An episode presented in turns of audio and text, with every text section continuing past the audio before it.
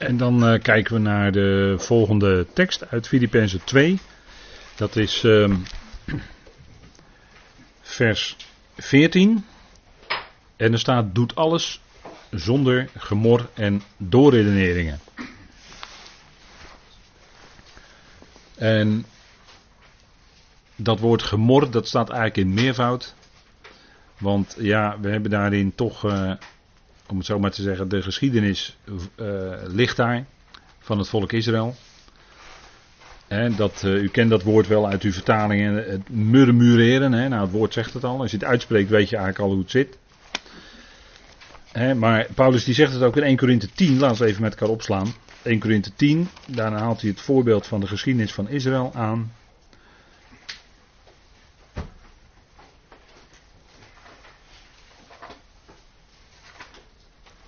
En dan even voor de verband van vanavond, vers 10.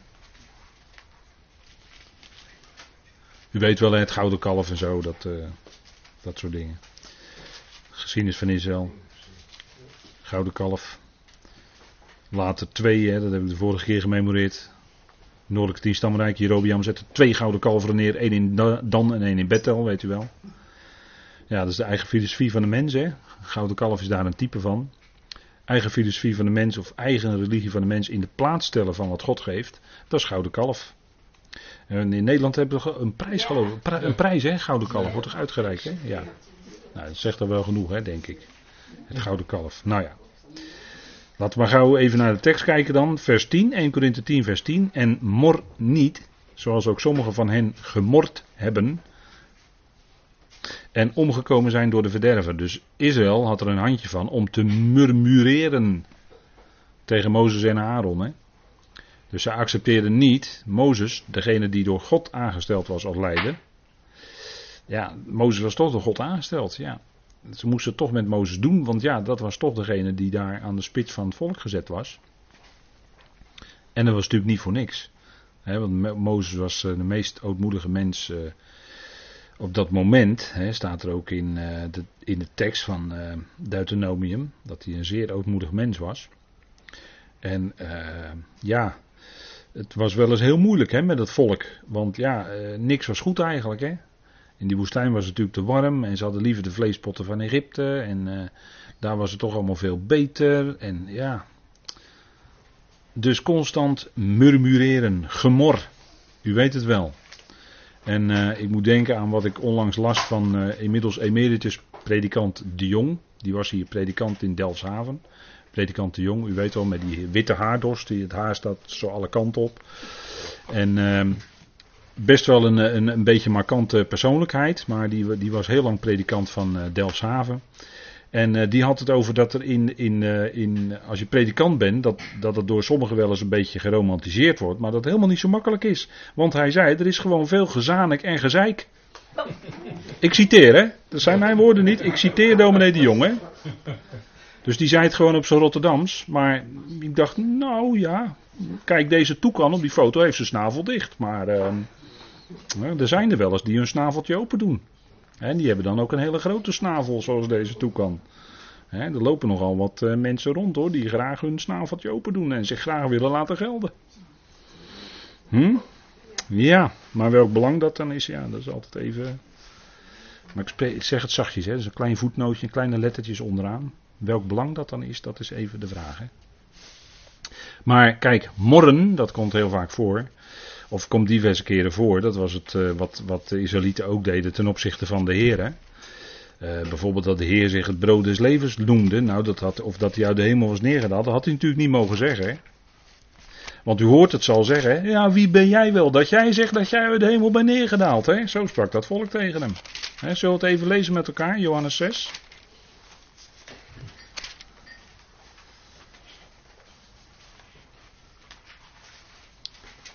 En toen had de Heer natuurlijk in vers 41, toen had de Heer net iets gezegd over de opstanding. We hadden het in de eerste helft vanavond over Hymenaeus en Philetus, hè? weet u wel? Nou heeft de Heer iets gezegd over de opstanding.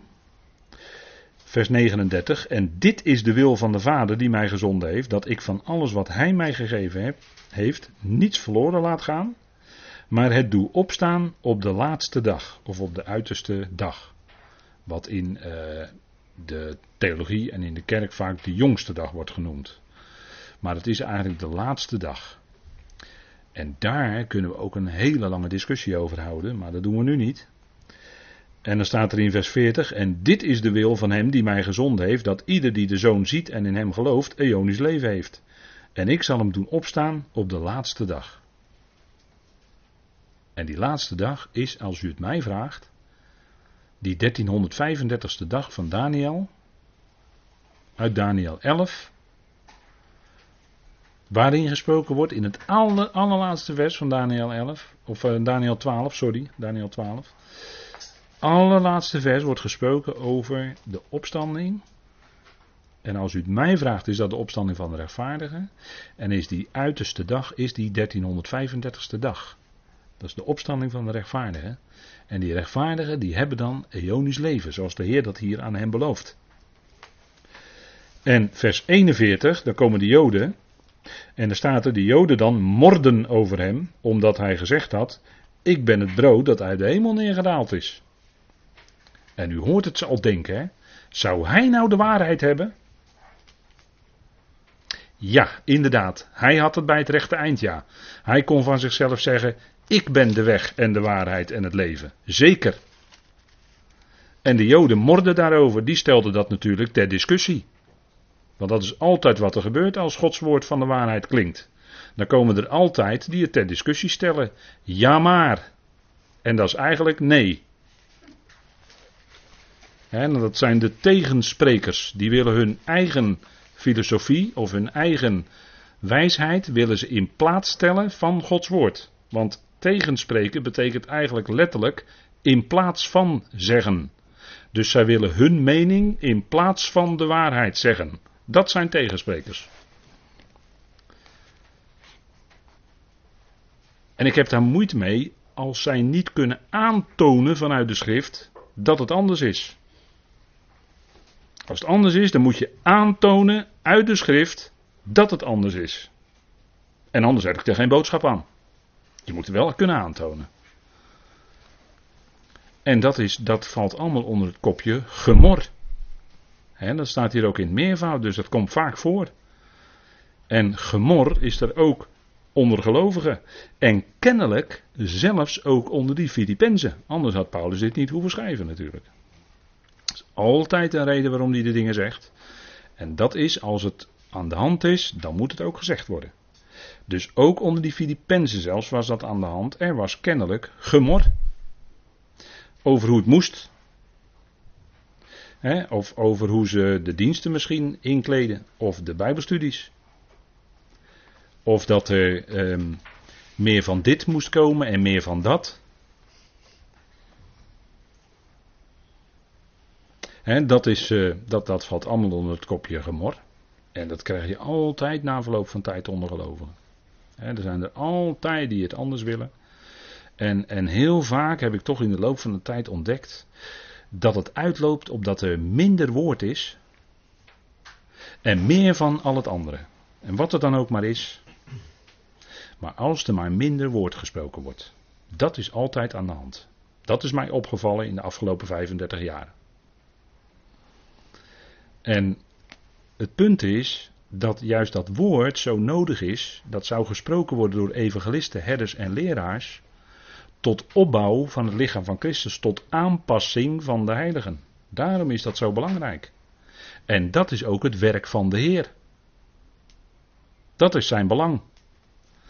En dat is wat we goed voor ogen hebben. En daarom zegt Paulus hier toch wel scherp: hè, doet alles. En dan zeg je ja, doet alles. Wat is dat dan? Nou, dat is het werk van de Heer. Doet alles, dat is het werk van de Heer. En dat is niet abstract, dat is heel concreet. Al wat dient tot opbouw van de gemeente. Al wat dient tot uitroeping van de gemeente. Dat is het werk van de Heer. En al het andere eromheen, ja goed, dat, dat hoort erbij. En er moet gezorgd worden voor dit. En er moet gezorgd worden kopje koffie tijdens de pauze van de Bijbelstudie. Ik noem maar iets heel simpels. De stoelen moeten klaargezet worden en weer opgeruimd worden na afloop. Het zijn allemaal hele simpele dingetjes. Maar het gaat natuurlijk om de opbouw van de gemeente. Het gaat om de uitroeping dat we geestelijk opgebouwd worden. En daarom zegt Paulus hier, doet alles zonder gemor en doorredenering. Hè. Die gemeente Filippi, die functioneerde goed. Net als in Thessalonica, die functioneerde goed. Ze droegen dat woord uit. En uh, dat, dat moest ook zo blijven, want als daar gemor en doorredening tussendoor komen, dan gaat het allemaal een beetje met struikelen. Hè. Kijk hier net als die uh, vogels, die, uh, hè, zo lijken geloof ik ook wel eens, die kijken alle kanten op. Maar die snavels die zouden eigenlijk in, in dezelfde richting moeten staan. Hè? De een kijkt naar links, de ander kijkt naar rechts, de ander kijkt naar achter, de ander kijkt opzij. Maar wat, waar Paulus natuurlijk mee bezig is, is die eensgezindheid onder die gelovigen. Dat jullie één van ziel, eensgezind, op hetzelfde gezind zijn. Daar is hij mee bezig, hè, Filippenzen. Dat wil zeggen dat al die snavels dus in dezelfde richting staan. En als het allemaal een andere kant op kijkt en allemaal een andere kant op bezig is, ja, dan is er uh, op zijn zachtst gezegd verwarring. En dan ben je niet, dan kan je dat woord ook niet uitdragen, denk ik. Of dan gaat dat heel, heel moeilijk. Gemor, nou, we lezen dat ook in, in die teksten. U kunt daar onder die teksten nog eens raadplegen voor uzelf. Dat woord gemor komt daar allemaal voor. Doet alles. Nou, dat heb ik daarnet al even genoemd. Doet alles. En dan zegt u, wat is dat dan? Nou, werk aan de winkel, werk in uitvoering. Uh, dat is wat uh, evangelisten, herders en leraars doen. Dat is wat zij doen. Wat, waar zijn ze mee bezig? Nou, de, de titels zeggen het al. Hè? Dat zijn mensen die bezig zijn met het woord. Tot aanpassing van de heiligen. Dat is datzelfde uh woord als bij, bij, bij netten. Als, een, als, een, als een net, een visnet, als dat uh, niet meer goed is, als daar te grote gaten in zitten, dan moet dat aangepast worden. Dat is hetzelfde woord. Dan moet dat hersteld worden, zodat het net weer goed is en die vissen gevangen kunnen worden. Nou, ze moeten ook heiligen aangepast worden in de praktijk. Waar is dat voor bedoeld? Dat is niet om hun pijn te doen of om, om, om zomaar even een waarschuwend vingertje. Daar gaat het helemaal niet om. Het, dat is tot dienstwerk. Er staat er naartoe dienstwerk pros in het Grieks, hè? naartoe dienstwerk. Dus dat is dat die heiligen bezig zijn met het dienstwerk. Het dienstwerk van de Heer. Het werk van de Heer. Dat is dienstwerk. Want dat is naartoe, want het gaat verder, tot opbouw van het lichaam van Christus. Daar gaat het om. Dat dat staat als was het een gebouw. Dat woord wordt gebruikt, hè? oikodome. En dat, zou, dat heeft een stevig fundament. Maar we zouden wel daarop doorbouwen. Hè? Namelijk, dat is die opbouw van het lichaam van Christus. En dan komt Paulus, die, die mag dan planten. En dan komt Apollos met dat gietertje, weet u wel. Die mag begieten. En dan geeft God de groei. Tuurlijk, de groei, daar kunnen we verder niks, uh, dat doet God. God geeft de groei. Hij geeft aan ieder ook de mate van het geloof. Maar we zouden wel als gelovigen bezig zijn. Doet alles. Zonder gemor en doorredeneringen. Wat? tot opbouw van het lichaam van Christus. Wees daarbij betrokken. En zegt u, ja, maar wat kan ik dan doen? Nou, u kunt ervoor bidden dat het woord van de Heer snelle voortgang heeft en dat het verheerlijk mag worden. Kunt u voor bidden? Ik hoop dat u dat nog wel eens bidt. dat het, woord, eh, dat woord gaat ook uit via televisieuitzendingen, via internet enzovoort. Dat woord gaat uit elke dag. Maar daarvoor ook bidden. Dat het mensen bereikt en dat, dat gebeurt ook. Dat is fantastisch. Dat mensen eindelijk door al die tradities heen die over de Bijbel heen gelegd zijn. En het wordt hoog tijd dat het allemaal van die Bijbel, en dat is al gebeurd, is van die Bijbel afgeblazen. Maar het wordt tijd dat al die mensen ook die, bij de juiste onderricht terechtkomen. En dat ze gaan zien wat Gods woord werkelijk zegt. Dat God de God van liefde is en dat hij met iedereen tot zijn doel komt. Wat is verschrikkelijk als je, als je, als je zou denken dat, dat, dat, dat familieleden hè, misschien door ouderdom overleden zijn en, en niet gelovig. En wat zou het verschrikkelijk zijn als je dan denkt dat ze voor eeuwig verloren zijn. Dat is afschuwelijk. Daar kun je van wakker liggen als je, als je het serieus neemt.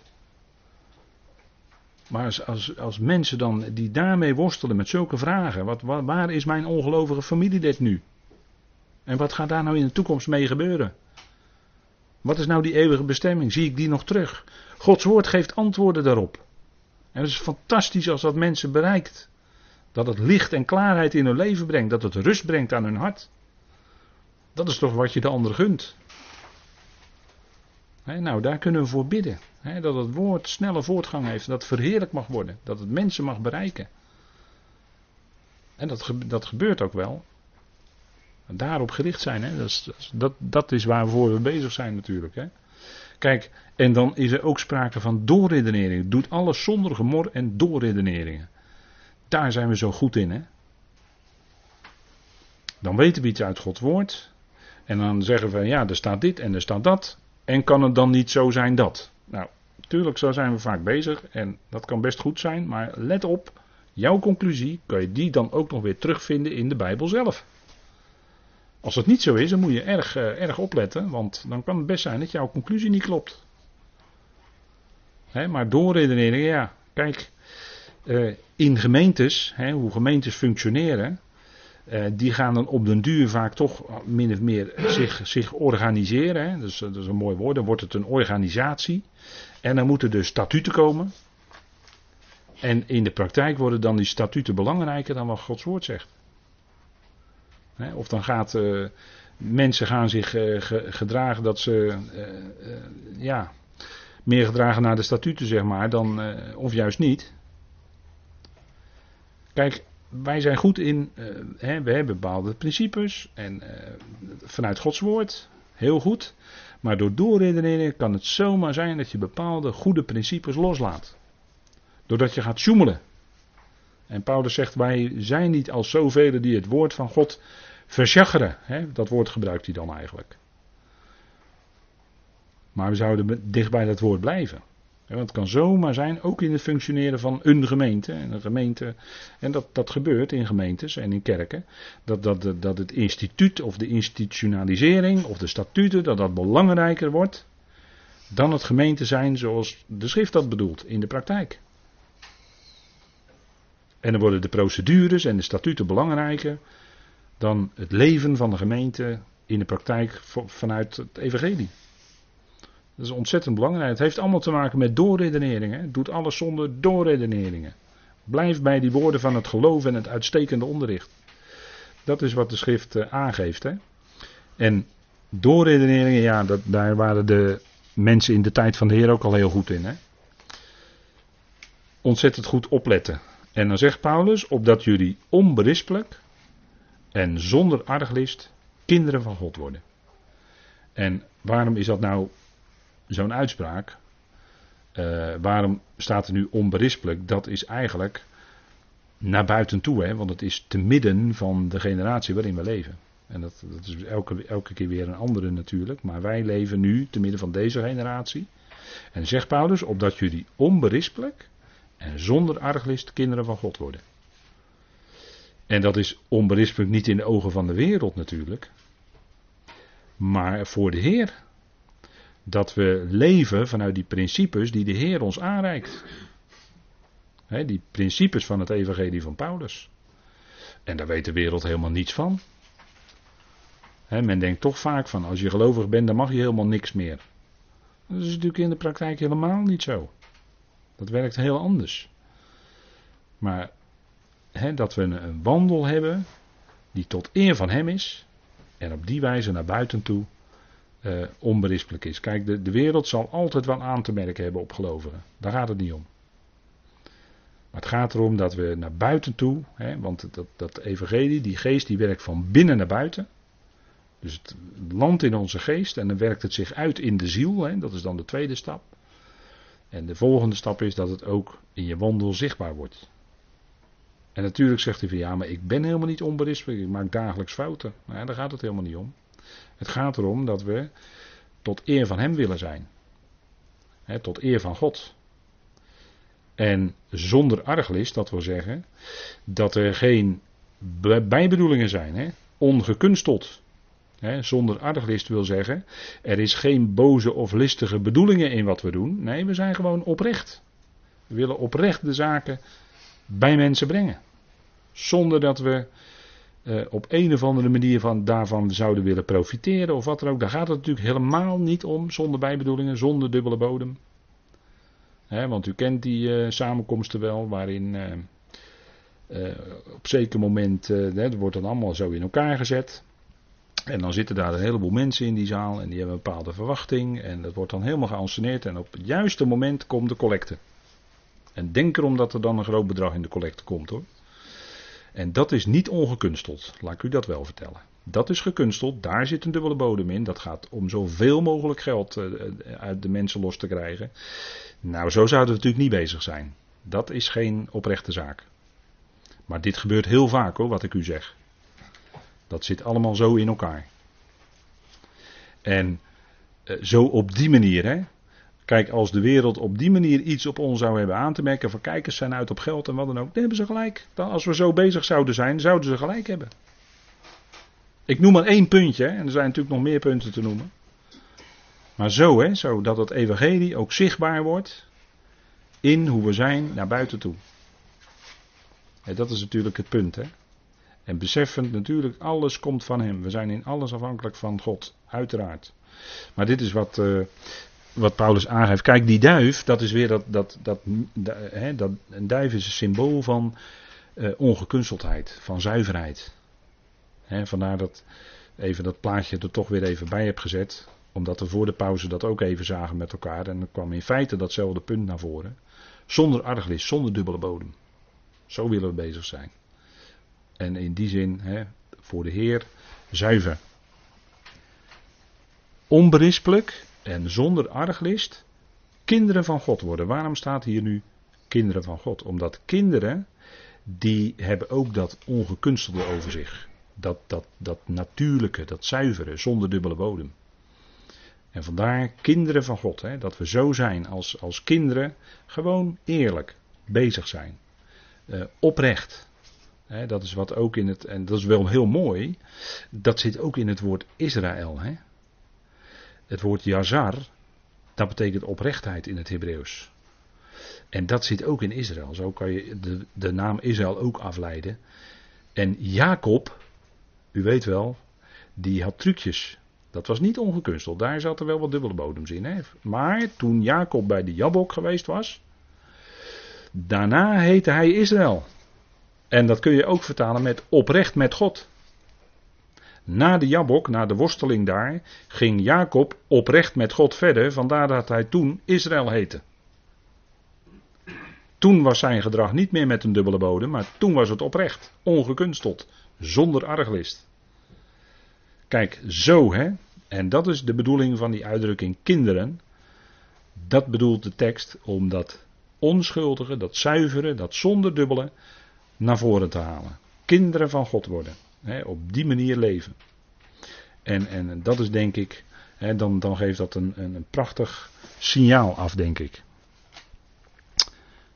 Zo op die manier en dan smetteloos te midden van een krom en verdraaid geslacht. Nou, als we dit zo met elkaar lezen, en u kijkt zo eens om u heen, dan denk ik dat die woorden van Paulus nog net zo krachtig zijn vandaag als uh, toen. Hè?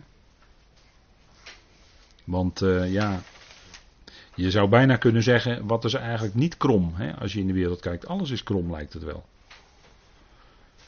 Alles is krom. Hè, dat woord krom dat betekent uh, het is verbogen of het is gebogen, net als die boemerang op die foto. Hè, het is gebogen, verbogen, krom.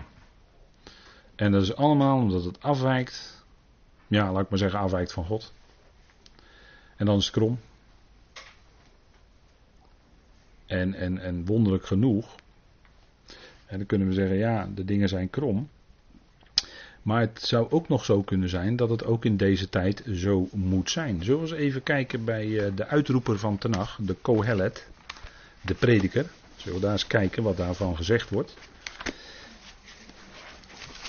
In prediker 7. Ik weet niet of dat wij dat de vorige keer ook gelezen hebben, maar dan uh, zijn we nu op herhaling. Prediker 7, vers 13.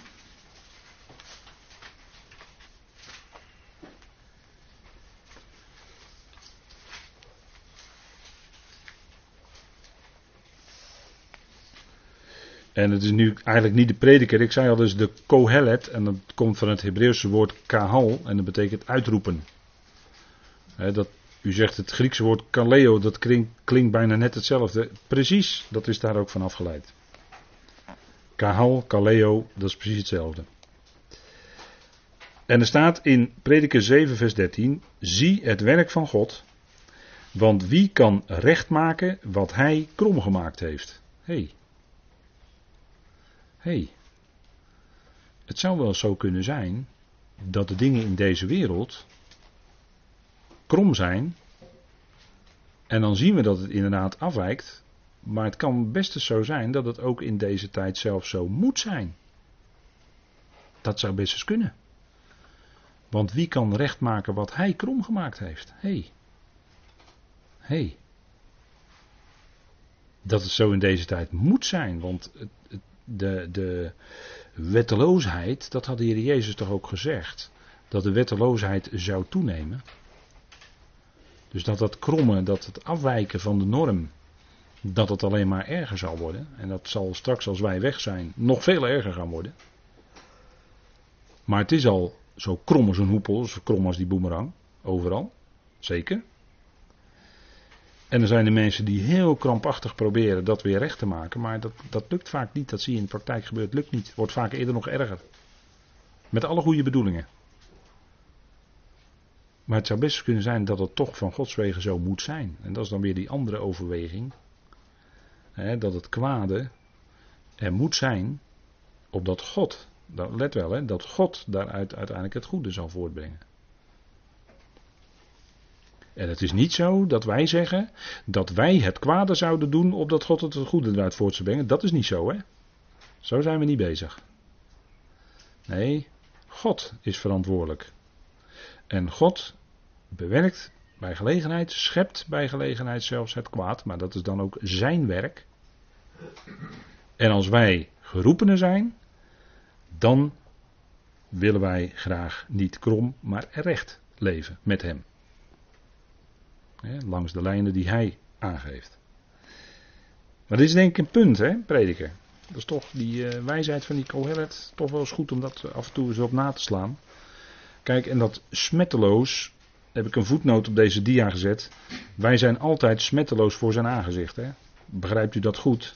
Dat is onze positie in Christus. Dat is onaantastbaar. Wij zijn altijd smetteloos voor zijn aangezicht. Voor Gods aangezicht. Alleen als het gaat om ons uiterlijk gedrag naar buiten toe, in het dagelijks leven, dan zijn we erop gericht om smetteloos te willen leven. En dat is geen krampachtig leven hoor, van dat je krampachtig uh, alles goed wil doen, want als u dat gaat doen, dan is het krampachtig en dan gaat het hem ook niet worden. Maar dan vertrouw je op hem, afhankelijk van zijn kracht. En dat te midden van een krom en verdraaid geslacht. Nou, dat is denk ik overduidelijk. En niet dat wij beter zijn, maar als we in de wereld om ons heen kijken, dan zien we het wel. En met verdriet constateren we dat. Maar wij zijn niet beter van onszelf, absoluut niet. En dat verdraaide, hè, soms dat denk je wel eens, als je iets ziet of iets leest, hoe het dan allemaal toegaat, dan denk je bij jezelf als verdraaid nog aan toe, inderdaad. Want het, ze lijken, men lijkt soms wel eens doorgedraaid. Men lijkt soms wel eens doorgedraaid. Hè. Dat is eigenlijk wat het woord heel letterlijk betekent. Mensen draaien door. En dan weet ik wel dat er gesproken wordt over verwarde mensen die iets doen, maar of die verwardheid dan, of je dat zo moet duiden, weet ik niet. Dat is een hele andere vraag. Maar het komt voor, hè. En mensen zijn, uh, ja, mensen worden ook helemaal door, het, door de filosofieën en het denken. En uh, de ene dag is het zus en de andere dag is het weer zo. En dan is het weer dit en dan is weer dat weer niet goed. En dan is dat weer wel goed. En nou ja, je wordt er ook helemaal doorgedraaid van. En dan denk ik vaak, blijf nou gewoon nuchter joh. Blijf nou nog gewoon nuchter bij dat woord. En dat is het punt hè. Smetteloos te midden van een krom en verdraaid geslacht. En wat kunnen we dankbaar zijn dat God ons heeft gered van zo'n weg. Want anders zouden we net als die anderen ook gewoon daaraan meedoen. Zouden we gewoon daarin, meegaan in het denken van de wereld, in die tijdgeest, in die onderstromen enzovoort. Maar wat je daarvoor bewaart is inderdaad die waarheid van Gods woord. Daarbij blijven, dat is, uh, dat is ons devies. Nou, smetteloos te midden van een krom en verdraaid geslacht. Nou, ik denk dat we daar deze avond mee besluiten.